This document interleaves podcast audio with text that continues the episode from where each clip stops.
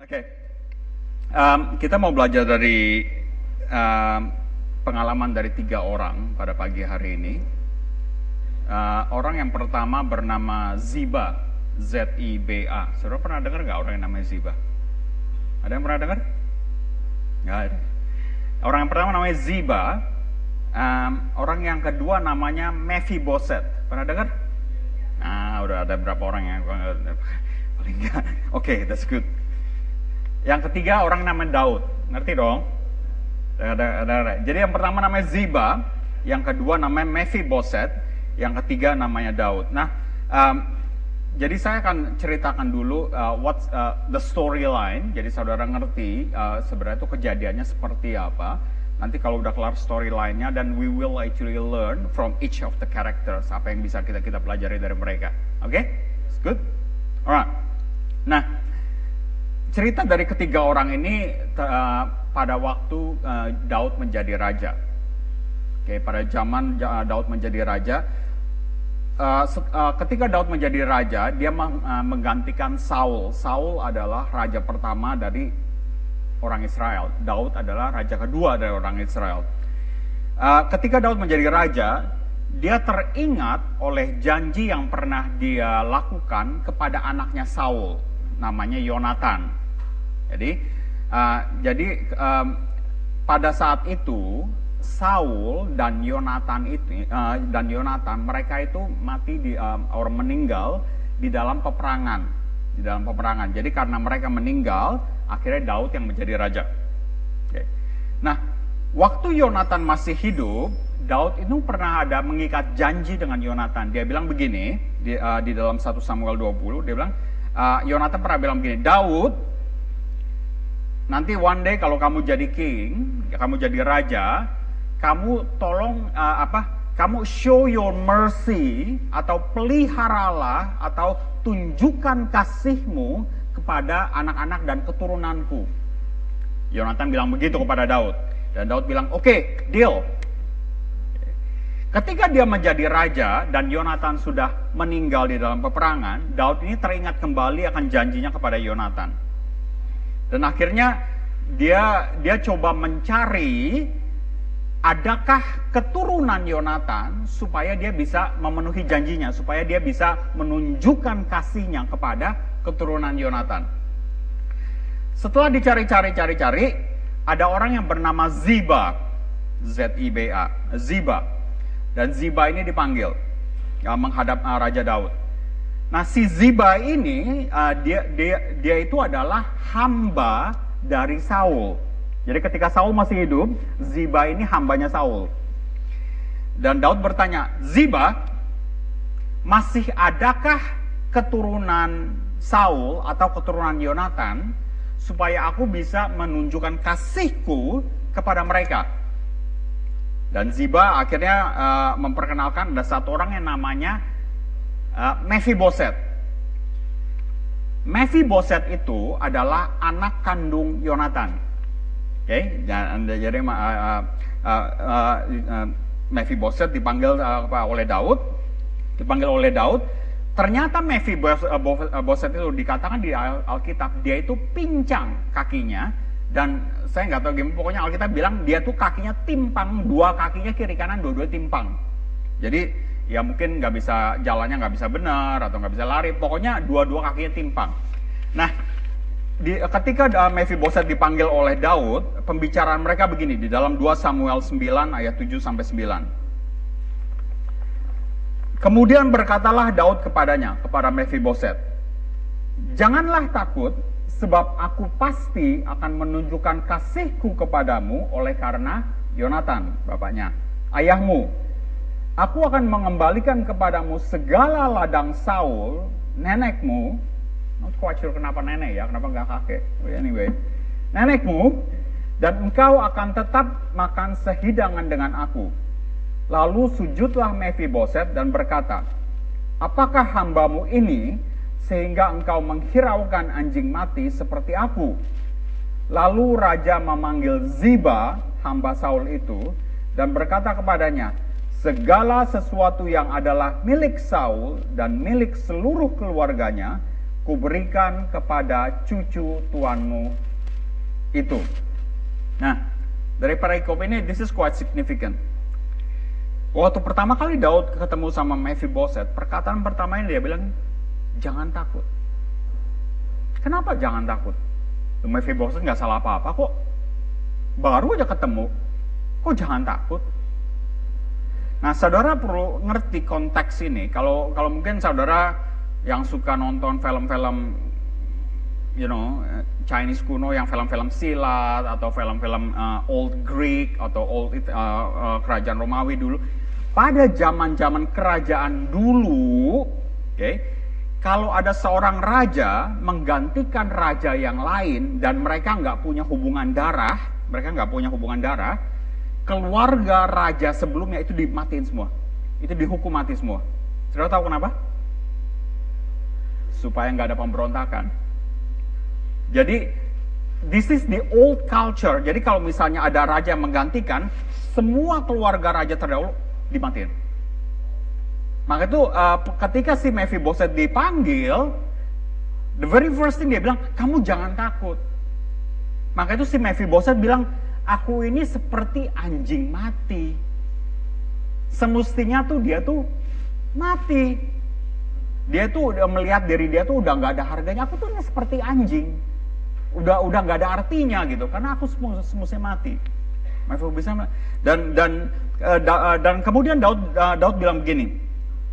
Uh, segala sesuatu yang adalah milik Saul dan milik seluruh keluarganya kuberikan kepada cucu tuanmu itu. Karena again dibalik di culture dulu begitu uh, uh, raja yang sebelumnya meninggal dan seluruh keluarganya di dimatikan, otomatis kekayaan previous king itu belongs to the new king. Karena kan udah nggak ada estate-nya lagi, udah nggak ada yang punya lagi. Jadi seluruh kepunyaannya itu jadi milik milik Daud. Dan pada ketika Daud uh, ketemu sama Mephiboset, dia bilang, kamu jangan takut, Nah ini nih, dulu nih semua hartanya Saul aku kasih kepada kamu. Saya nangkep ya. Jadi jadi ceritanya itu seperti itu. Nah, saya fast forward sedikit ya. Saya fast forward. Setelah kejadian itu, um, uh, uh, di, di dal ketika Daud memerintah Israel itu ada kudeta. Anaknya Daud namanya Absalom. Ini sebelum ada uh, sebelum zamannya Salomo Anaknya Daud namanya Absalom, ini memberontak kepada Daud. Anak kandungnya sendiri memberontak kepada Jadi si Absalom ini mau mengambil kerajaannya Daud. Jadi si Absalom dia mengumpulkan tentara untuk menyerang Yerusalem di mana pada saat itu ibu kotanya. Nah, Daud ada di Yerusalem. Nah, singkat cerita, ketika Daud tahu kalau Absalom mau menyerang dia di di Yerusalem untuk menghindari civil war, ini kayak Marvel ya, untuk menghindari adanya pemberontakan sesama bangsa Israel, dan untuk menghindari dia harus bertempur dengan anaknya sendiri, Daud melarikan diri dari Yerusalem. Jadi Daud dan tentaranya dia lari keluar dari Yerusalem dan Absalom masuk ya, mengkudeta Yerusalem. Ini ini fast forward aja ceritanya. Nah, ketika Daud sedang melarikan diri, Daud dan tentara yang melarikan diri dari keluar dari Yerusalem, dalam perjalanan itu dia bertemu dengan Ziba. Siapa tadi Ziba? Hambanya Saul. Nah, ketika uh, dia uh, Daud bertemu dengan Ziba, Ziba itu membawa banyak uh, Alkitab katakan membawa banyak roti, banyak kue, kue kismis, bawa anggur, bawa wine, bawa keledai, untuk diberikan kepada Daud dan tentaranya. Ketika Daud sedang melarikan diri, oke, okay, Daud ini lagi panik, da, lagi depres, lagi I don't know, pikirannya ruwet, dia ketemu Ziba dan akhirnya dia mengambil keputusan setelah apa yang Ziba ngomong kepada dia. Oh, jadi si Mephiboset ini ternyata pengkhianat tadi sebelumnya tuh udah diajak ya kan uh, Daud bilang kamu mulai hari ini kamu makan bersama dengan aku setiap hari. Maka itu pertanyaan pertama kepada uh, Daud kepada Ziba, mana Mephiboset orang yang setiap hari makan sama saya? Oh ternyata dia pengkhianat. Jadi lagi aku melarikan diri, dia bersenang-senang di Yerusalem. Oke, kalau gitu, apa yang saya kasih kepada Mephiboset, Ziba semuanya ini buat kamu. Daud bilang gitu. Oke, fast forward lagi ya. Nah, peperangan antara Daud dengan Absalom akhirnya setelah berapa lama akhirnya ber, uh, kelar, setelah, berakhir. Nggak tahu. Ini kita nggak ngomongin days, kita ngomongin mungkin weeks atau months gitu loh. Jadi peperangannya itu sudah selesai. Jadi di dalam peperangan itu singkat cerita uh, uh, pasukan Absalom dikalahkan oleh pasukan Daud dan Absalom itu mati di dalam peperangan. Nah karena pasukan Daud sudah menang kembali, akhirnya Daud memutuskan, mari kita kembali balik masuk ke Yerusalem. Ya, jadi ceritanya begitu. Nah, ketika per, uh, Daud dan pasukannya berjalan masuk Yerusalem, Daud bertemu dengan kali ini bertemu dengan Mephiboset. Nah, si Daud bertanya kepada Mephiboset. Ini kita bisa baca di 2 Samuel 19 ayat 24 sampai 28. Juga Mephiboset bin Saul menyongsong raja. Ini ketika raja masuk ke Yehud, uh, balik ke Yerusalem. Ia tidak membersihkan kakinya dan tidak memelihara janggutnya, dan pakaiannya tidak dicucinya sejak raja pergi sampai hari ia pulang dengan selamat. Ketika ia dari Yerusalem menyongsong raja, bertanyalah raja kepadanya, Mengapa engkau tidak pergi bersama-sama dengan aku, Mephiboset? Jawabnya, Ya tuanku raja, aku ditipu hambaku. Sebab hambamu ini berkata kepadanya, Pelanailah keledai bagiku supaya aku menungganginya dan pergi bersama-sama dengan raja. Sebab hambamu itu, hambamu itu ini timpang. Ia telah memfitnahkan hambamu ini kepada tuanku raja. Tetapi tuanku adalah raja seperti malaikat Allah, sebab itu perbuatlah apa yang tuanku pandang baik. Walaupun seluruh kaum keluargaku tidak lain dari orang-orang yang patut dihukum mati oleh tuanku raja, tuanku telah mengangkat hambamu ini di antara orang-orang yang menerima rejeki dari istanamu. Apakah hakku lagi dan untuk apa aku mengadakan tuntukan, tuntutan lagi kepada raja? Jadi basically uh, ketika Mephibosheth ditanya, kamu kenapa nggak nggak temenin aku dalam pelarianku? Kamu kan teman baikku. Jadi uh, Mephibosheth dia mengajukan perkaranya dia bilang, aku ini ditipu. Aku tadi mau pergi sama kamu. Tapi si Ziba ini udah disuruh siapin keledai, malah dia itu memfitnah, memfitnah uh, uh, karena karena si Mephibosheth ini nggak bisa uh, bergerak sendiri gitu, kakinya timpang dua-duanya. Jadi dia tuh sangat rely uh, kepada hambanya. Tapi malah hambanya ini berkhianat, malah hambanya sendiri itu ketemu sama si Daud sendiri. Jadi uh, itu pengakuan Mephibosheth. Mephibosheth, ya inilah pengakuan begini, uh, pengakuan saya begini, raja percaya atau percaya atau enggak ya enggak lah. Nah, somehow Daud ini nangkepnya salah. Dia pikir Daud ini pikir si Mephiboset ini mau naik banding, mau mengajukan perkaranya. Kalau kita baca terus di dalam 2 Samuel 19 ayat 29 sampai 30, Daud bilang gini, tetapi raja berkata kepadanya, kepada Mephiboset, apa gunanya engkau berkata-kata tentang halmu? Aku telah memutuskan engkau dan Ziba harus berbagi ladang itu. Lalu berkatalah Mephiboset kepada raja, biarlah ia mengambil semuanya sebab tuanku raja sudah pulang dengan selamat. Dan akhirnya Mephibosheth bilang, kalau dia mau ambil semuanya, ladang segala macam, ambil aja. Alkitab nggak pernah menulis kayak kesimpulan atau conclusion. Jadi yang bersalah ialah Alkitab nggak bilang gitu. Alkitab nggak bilang jadi yang berbohong adalah Ziba atau jadi yang berbohong adalah Mephibosheth. Kita, ya saudara bisa terka sendiri. Tapi kalau saudara terus baca 2 Samuel ini sampai habis, Ini saya akan cepet aja fast forward aja. Kalau saudara terus baca ini, uh, akhirnya nanti later on di dalam kerajaan Israel itu terjadi tiga tahun kelaparan. Tiga tahun kelaparan dan Daud bertanya Tuhan, Tuhan what's going on ini? Kenapa ada kelaparan uh, sampai tiga tahun di, di kerajaan Israel?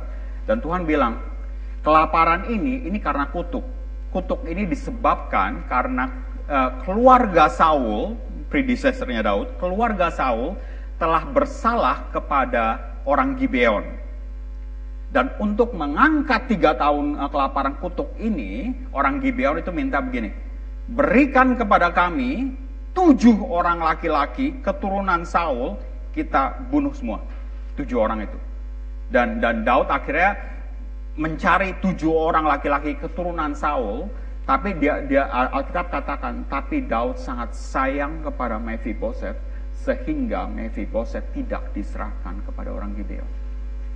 Kalau saudara baca terus, saudara akan ngerti. At the end of the day, Daud itu tahu siapa yang bersalah. Dia tahu kalau Mephibosheth tidak bersalah. That's the reason why dia tuh spare his life dari orang Gibeon. Oke. Okay. Mari kita belajar dari, nah itu ceritanya. Tentang Ziba, tentang Mephibosheth, dan tentang Daud. Mari kita belajar dari dari tiga karakter ini. Ziba. Siapa Ziba?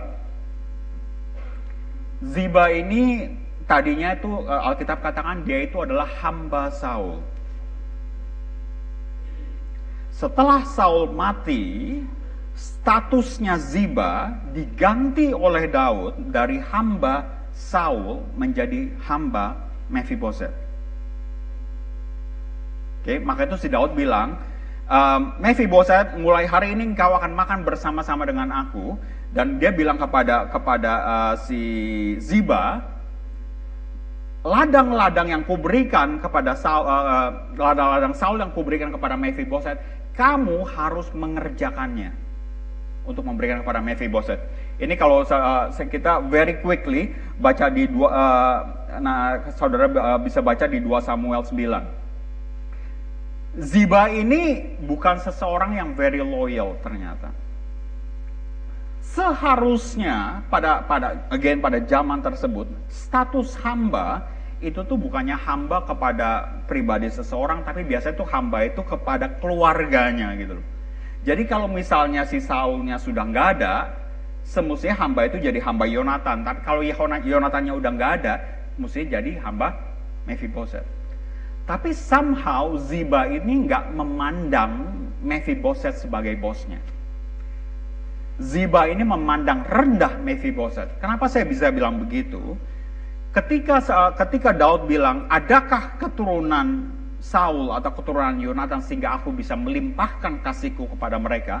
Jawaban Ziba begini, 2 Samuel 9 ayat 3. Kemudian berkatalah raja, tidak adakah lagi orang yang tinggal dari keluarga Saul? Aku hendak menunjukkan kepadanya kasih yang dari Allah. Lalu berkatalah Ziba kepada raja, masih ada se uh, seorang anak laki-laki Yonatan yang cacat kakinya. Kalau saudara perhatikan, ketika dia introduce Mephibosheth kepada Daud, dia tuh nggak sebut namanya. Tapi yang dia dia bilang ada, masih ada keturunan keturunan Yonatan, tapi dia pincang. Let me put this into context. Mungkin kalau saudara pikir ini baca sekilas saja begini. Let me put this into context. Saya, saya cuman ini ini cuma contoh ya, cuma contoh. Saudara di sini ada kayak kelompok sel gitu nggak sih? Ada ya, ada ya. Ini ini cuma contoh. Saya ceritanya saya um, saya ketua kelompok sel.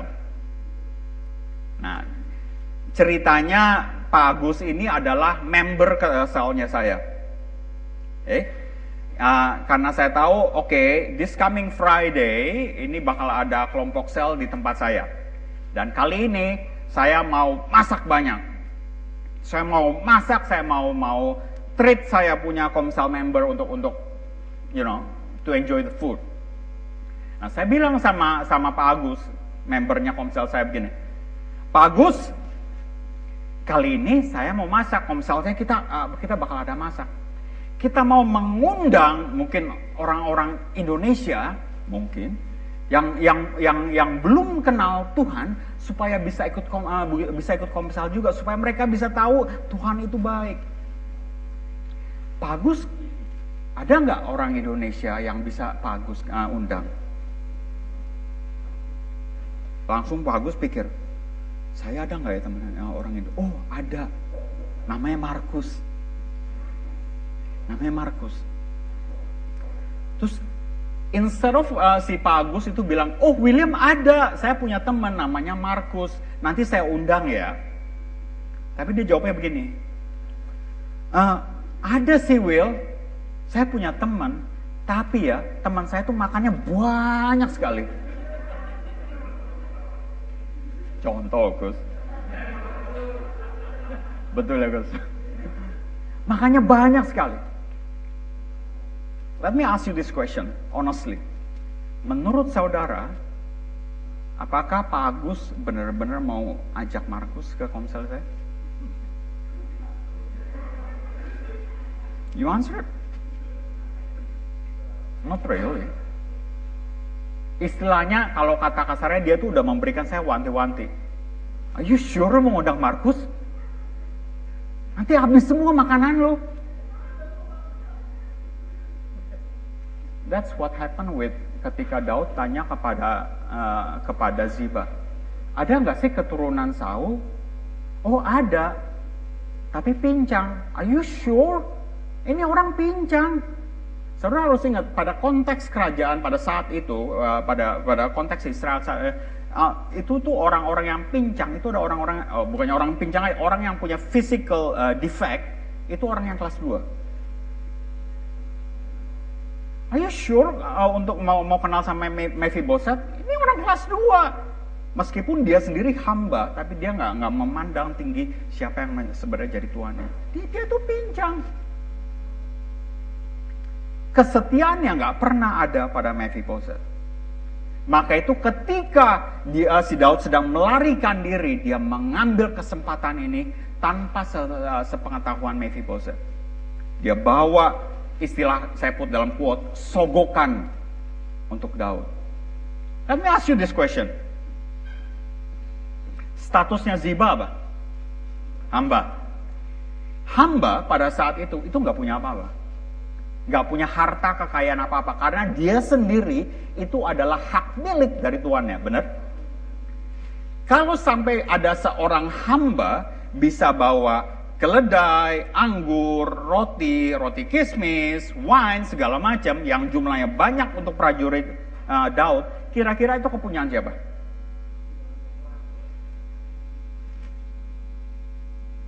Kepunyaan tuannya. Ada satu kata di dalam bahasa Inggris, uh, bahasa uh, namanya opportunist. Dari kata opportunity, opportunist. Kalau saya bacakan uh, di, di dalam dictionary, opportunist ini uh, definisinya seperti ini. Opportunists are people who take advantage of circumstances, often at the expense of ethics and morals. They seize every opportunity to improve things for themselves with little regard to others guided primarily by self-interested motive. Ada juga orang yang bilang begini, opportunist is someone who is not loyal to you, they are only loyal to their need of you. Once their need change, so does their loyalty to you. You are not a loyal person if opportunity controls your loyalty. That's opportunity.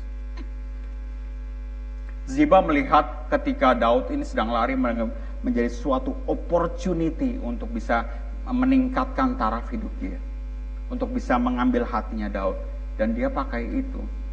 Meskipun dia tahu Mephiboset dirugikan.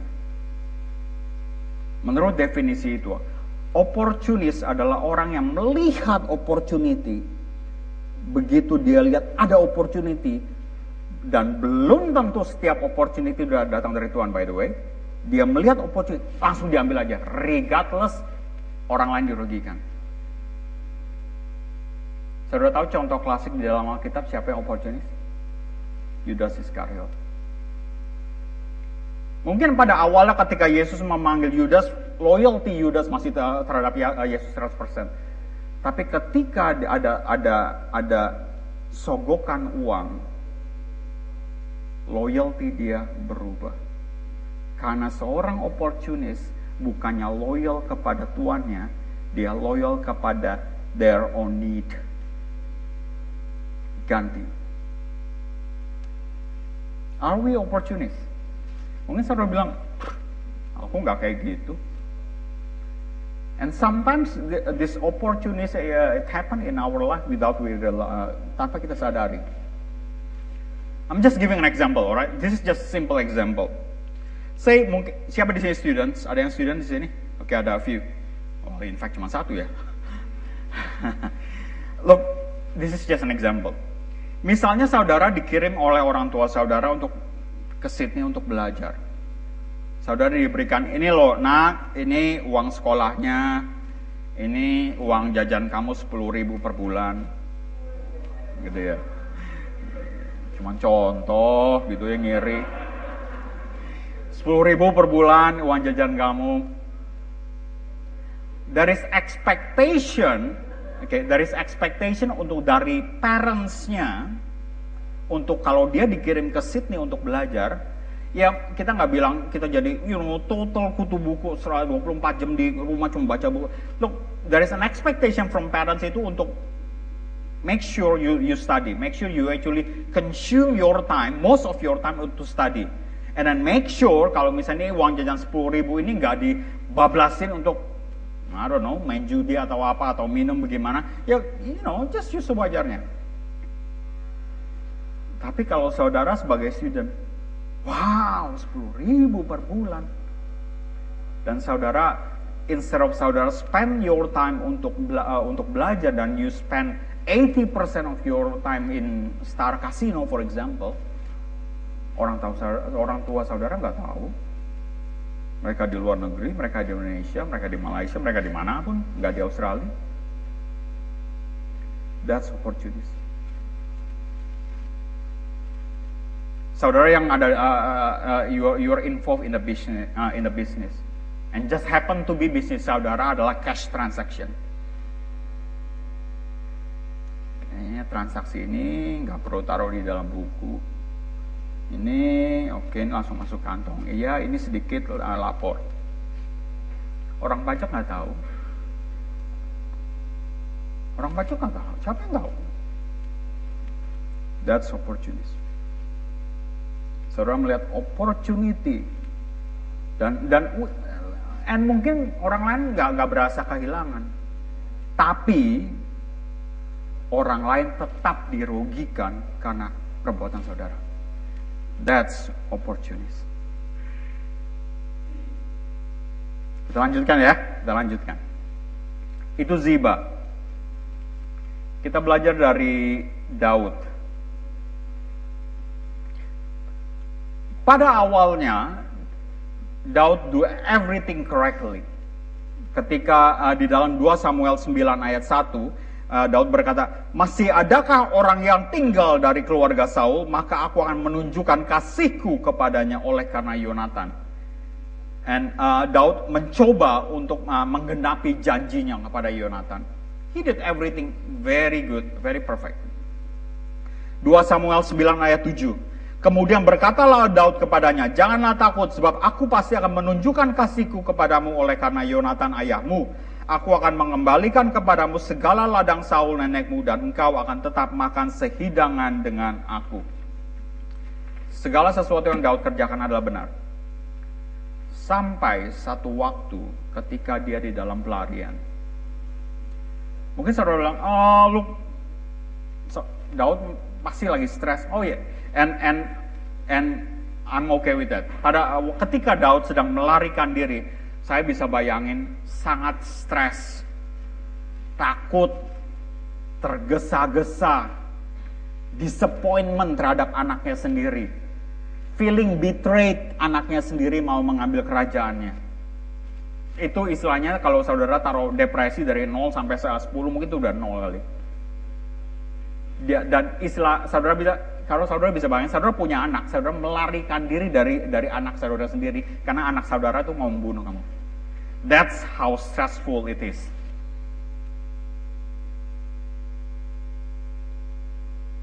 Tapi yang bisa kita ambil pelajaran dari Daud, ketika dia dalam stres yang sangat-sangat tinggi, dan dia diperhadapkan oleh satu situasi, ada orang yang datang, dalam kurung menyogok dia. Pada saat itu dia nggak tahu, ini si Ziba ini ngomongnya benar atau enggak ya.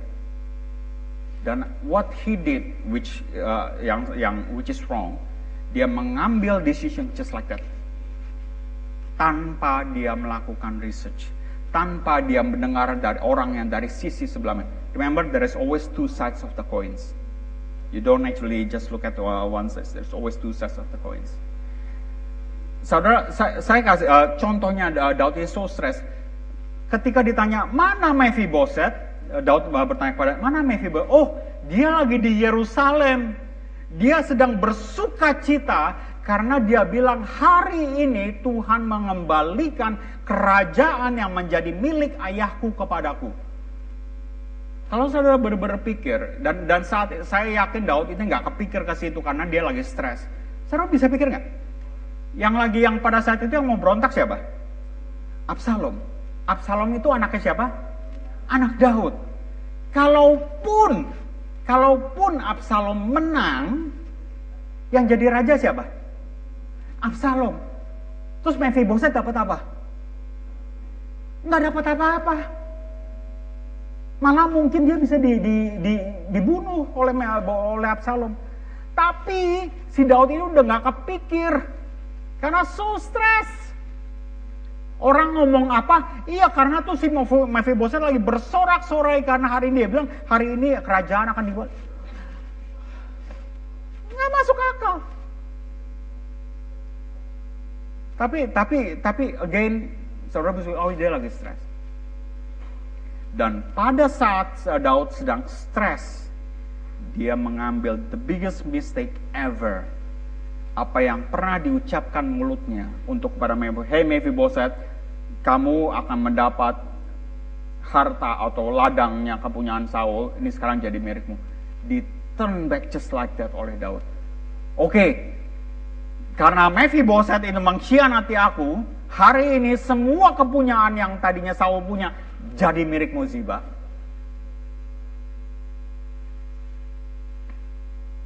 What can we learn from here?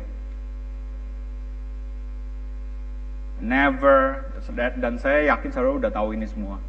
Never, ever, ever make a huge decision kalau saudara lagi stres. Karena begitu saudara tuh lagi nggak benar pikirannya, saudara tuh nggak rasional, saudara tuh nggak logical, saudara nggak ngelihat semua fakta yang ada. Begitu ada orang kasih angin sedikit, oh ya itu benar, itu benar. Dan berapa kali uh, di dalam kehidupan kita, kita banyak mengambil the wrong decision pada saat kita emosi. Dan emosi itu, uh, by the way, yang namanya when I, when I say emosi, itu nggak mesti dalam bersifat total marah, total rage, nggak nggak mesti begitu. And uh, emo, emotion could be uh, when you are very very angry, when you are very very sad, or when you are, or even sometimes when you are extremely happy, you make a wrong decision. Karena oh ya lagi happy, oh ya, iya iya benar, ya, oh ya kerjain aja, kerjain aja, kerjain aja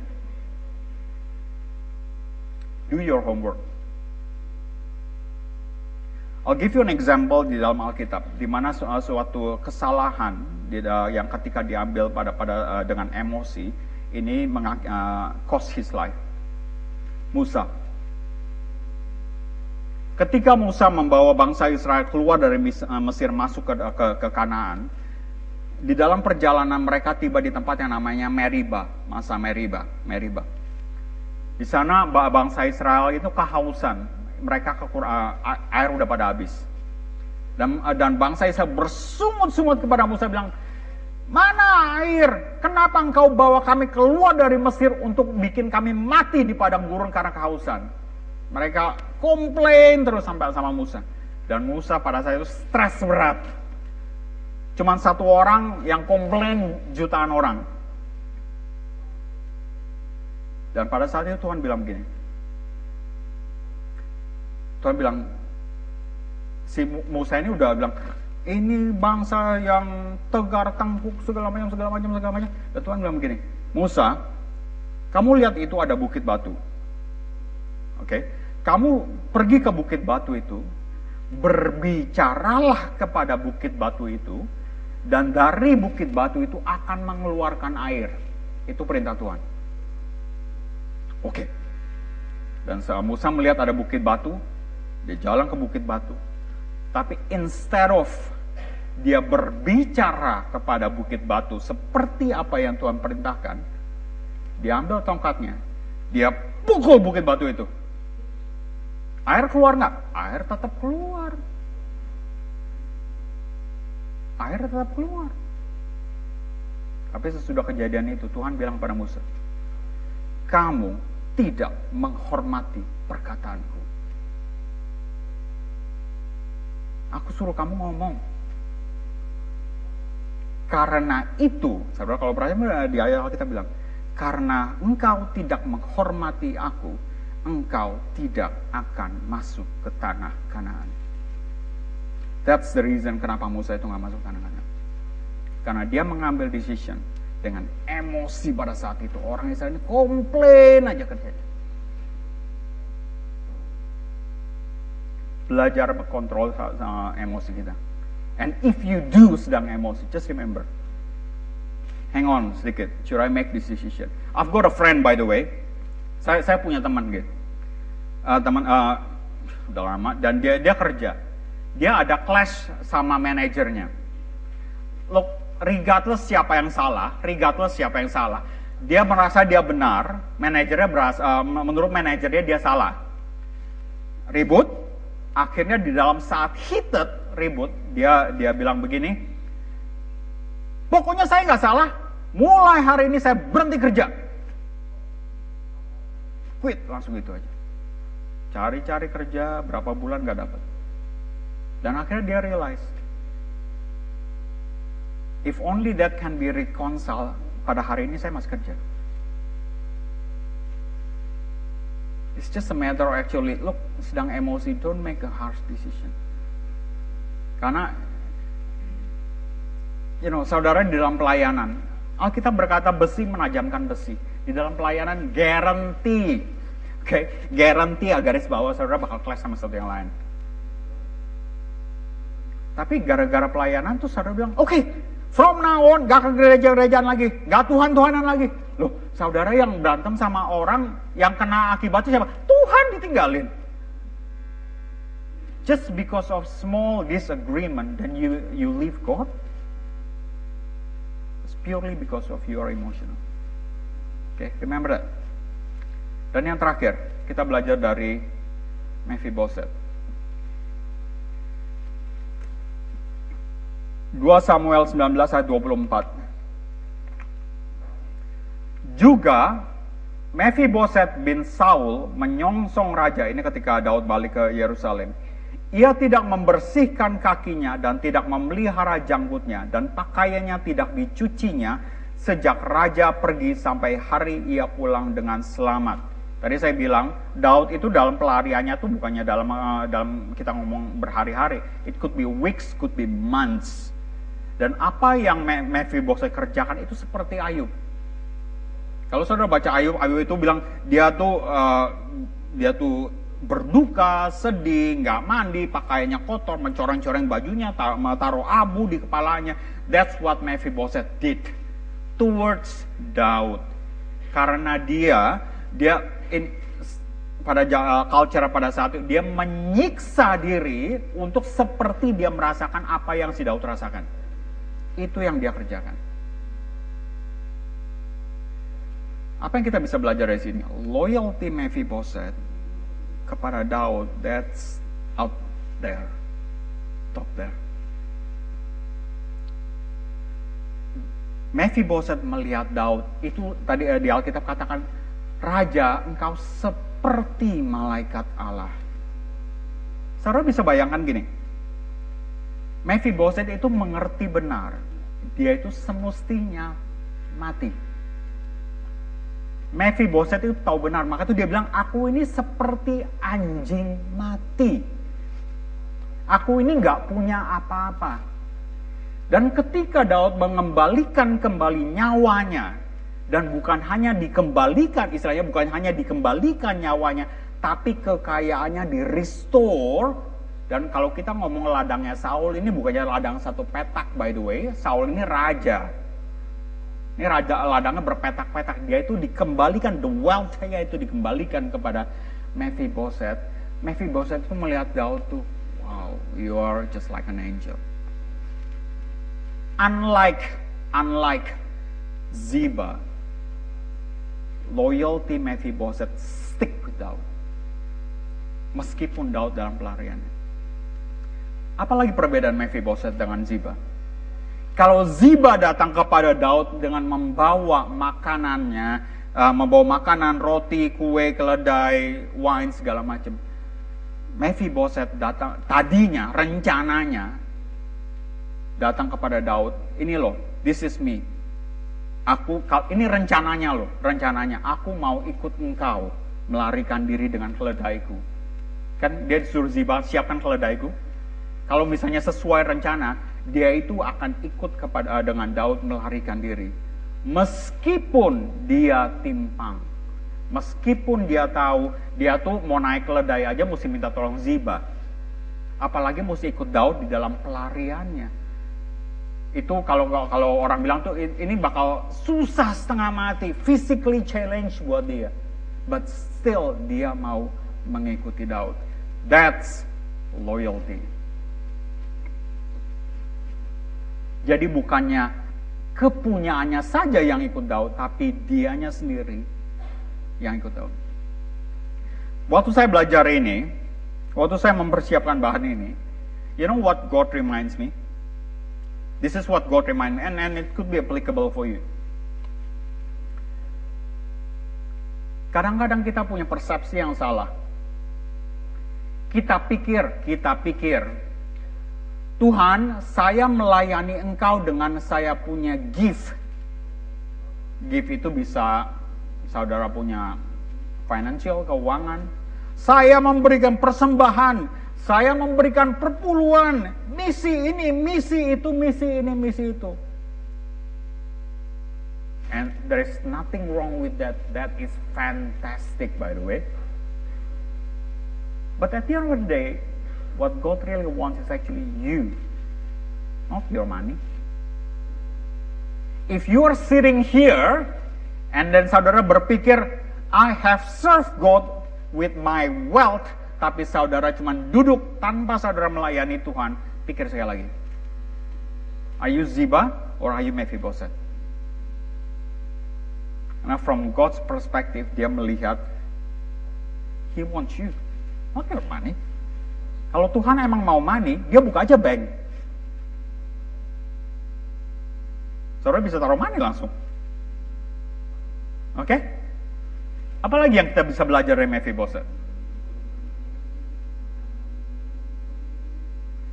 Selain kesetiaannya, uh, di dalam 2 Samuel 19 ayat 29 sampai uh, actually kita baca 2 Samuel 19 ayat 19 sampai 26 sampai 28. Jawabnya, ya tuanku raja, aku ditipu hambaku sebab hambamu ini berkata kepadanya, pelanailah keledai bagiku, supaya aku menungganginya dan pergi bersama-sama dengan raja sebab hambamu ini timpang. Ia telah memfitnah hambamu ini kepada tuanku raja, tetapi tuanku raja adalah seperti malaikat Allah, sebab itu perbuatlah apa yang tuanku pandang baik. Walaupun seluruh kaum keluargaku tidak lain adalah dari orang-orang yang patut mati dihukum oleh tuanku raja.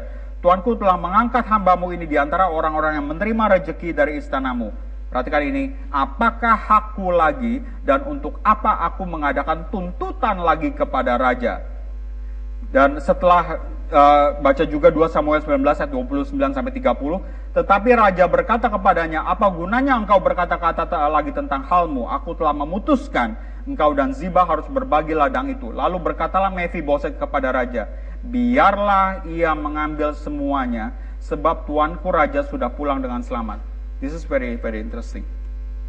Selain loyalty, Mephiboset uh, juga uh, ada satu uh, bahasa Inggris yang yang bilang begini, uh, no entitlement.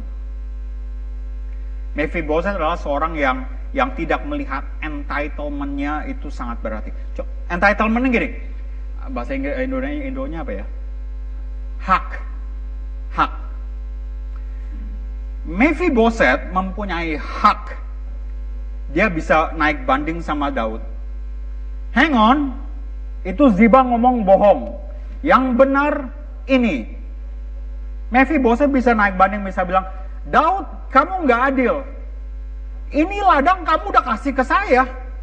Sekarang kamu bagi dua. Saya cuma dapat setengah, uh, si Ziba dapat setengah. Dia punya hak. Dia punya hak entitlement, satu, terhadap hartanya, dan dia juga punya entitlement terhadap membersihkan nama, nama baiknya. Saya difitnah loh. Saya nggak begitu, saya difitnah. Tapi Mephibosheth adalah seorang yang uh, yang yang mempunyai no entitlement. Dan yang yang dia lihat begini, yang penting bagiku raja sudah pulang dengan selamat. Itu yang paling penting. Semuanya tidak berarti. Kalau emang Ziba mau hartanya, biarlah dia ambil semuanya. It doesn't matter. The only thing that I want is actually you come back safe. Itu Mephibosheth. I want to close with this. Kita itu semestinya sama seperti Mephibosheth. Semestinya. You know what? Mephibosheth itu uh, kita bilang dia timpang physically dia kakinya pincang. Mephibosheth adalah orang yang semestinya mati. Mephibosheth adalah orang yang semestinya nggak punya harta. Ketika kita belum mengenal Yesus, mengenal kebaikan Allah, kita itu sama seperti Mephibosheth yang dulu. Mungkin kita nggak physically timpang, but our spiritual life itu cacat. Everything that we do involves sin. Everything that we did displeasing our God. Kalau Tuhan melihat kita yang dulu, dia melihat kita itu adalah cacat, cacat, bercelah, bercelah. Maka itu dia kirim Yesus. Ketika seperti Mephibosheth, dia diangkat oleh Daud. Mari, from now on, kamu makan bersama dengan aku. Sama-sama makan sama sama aku. That's exactly apa yang Tuhan Allah kerjakan pada kita. Alkitab katakan dia memberikan undangan kepada setiap daripada kita untuk ikut ke dalam pesta besarnya. We are being invited. Tapi the fact is, rather than we act like Mephibosheth, kita berlaku seperti Ziba. Meskipun kita udah bilang, ya Tuhan, aku mau ke pestamu. Tapi perlakuan kita tuh tetap opportunis. Ini ada opportunity. Gak ada yang tahu loh. Tuhan juga mungkin gak tahu. sedikit opportunity. Gak ada yang berasa dirugikan. Ada yang dirugikan. Everything that you did wrong, somebody dirugikan whether directly or indirectly, somebody dirugikan. Oh, atau mungkin kita seperti Daud, kita mengambil keputusan-keputusan yang salah ketika kita sedang emosi. Let me ask you this question. You ask this question to yourself gitu. Menurut saudara, are you living your life seperti Ziba or Mephibosheth? This is if if I give you a pie chart. Kalau saya boleh, ini lingkaran. Oke, okay, ini lingkaran. Kalau saya bilang 100% itu berarti semua bagian di dalam lingkaran ini itu 100%. Ya, oke okay ya. Kalau saya bilang begini, Tuhan, saya memberikan seluruh kehidupanku kepada Engkau. Semestinya berarti kalau ini hidup kita, seluruhnya itu milik Tuhan. We just sang the song before. Tuhan engkaulah segalanya bagiku. If you say engkau segalanya, berarti not even a small dot di dalam lingkaran itu yang bukan belong to God. Benar? Segalanya. Kita sering nyanyi kok, Tuhan kau segalanya bagiku, tiada yang lain, tiada yang lain. Tapi di dalam kehidupan kita, 100% lingkaran ini, begitu ada masalah, let's say, maaf kata, saya misalnya saudara dipecat. Dari 100 begini, langsung saudara ada pie chartnya. Segini saudara pikirin, aduh saya dipecat, saya dipecat, saya dipecat. What should I do? What should I do? What's my next job? Look, I'm not saying that di dalam kehidupan kita meskipun kita terima Yesus nggak ada masalah. I don't say that. Tapi kalau misalnya kita memberikan 100% kehidupan kita, kita boleh dipecat. Tapi it should be, it should be, Tuhan aku dipecat, but I know aku aku adalah anak Allah dan engkau telah menyediakan yang terbaik bagiku. Yes, you can, you still look for job, tapi pengharapan engkau bukannya pengharapan mendapat pekerjaan baru. Pengharapan engkau adalah engkau tahu bahwa Tuhan still in control in your life. Dan sometimes dipecat itu adalah kesempatan untuk saudara dapat pekerjaan yang lebih baik. Kadang kalau nggak, just like otherwise you just stuck there, you feel comfort. The fact that Tuhan tuh mau kasih saudara pekerjaan yang lebih baik, tapi saudara udah comfort di situ, saudara nggak mau nyari lagi. And sometimes God to have to do it the hard way supaya saudara bisa terima blessing yang lebih besar. You don't know that. Saudara nggak tahu because you're not God. But He's God. He knows. That's why it is very important if you say engkau segalanya bagiku, this is the whole circle 100%. 100% ini untuk Tuhan. That is what Mephibosheth did Daud, engkau segalanya, harta diambil, ambil. Nama baik dihancurkan, hancurkan, nggak peduli. Yang penting engkau pulang dengan selamat. Can we do that with our God? Gone through problem, gone through problem. Dipecat, dipecat. Fail exam, fail exam. Dicuri, dicuri. Tapi God still in control if God allows things happen to you in your life, that He is still in control. Because God is actually a God that is in control, not just in the good times. He's in control in the bad times. If He's only in control in good times, then He's not controlling everything. Because everything includes everything. Bad, good, somewhere in the middle. Does it make sense? Yeah? Let me close with this statement.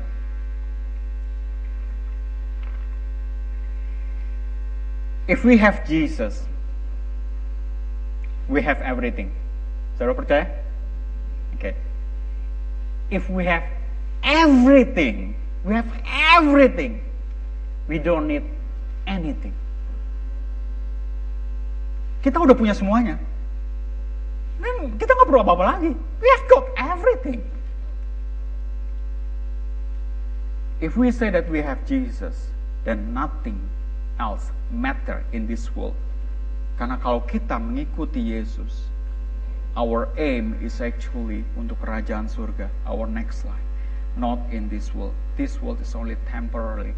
Everything that you've gone through, up and down, up and down, up and down, that's temporary once you pass living in this world, that's the real thing. That's when the, uh, the real life. That's what we are aiming for. Tuhan memberkati.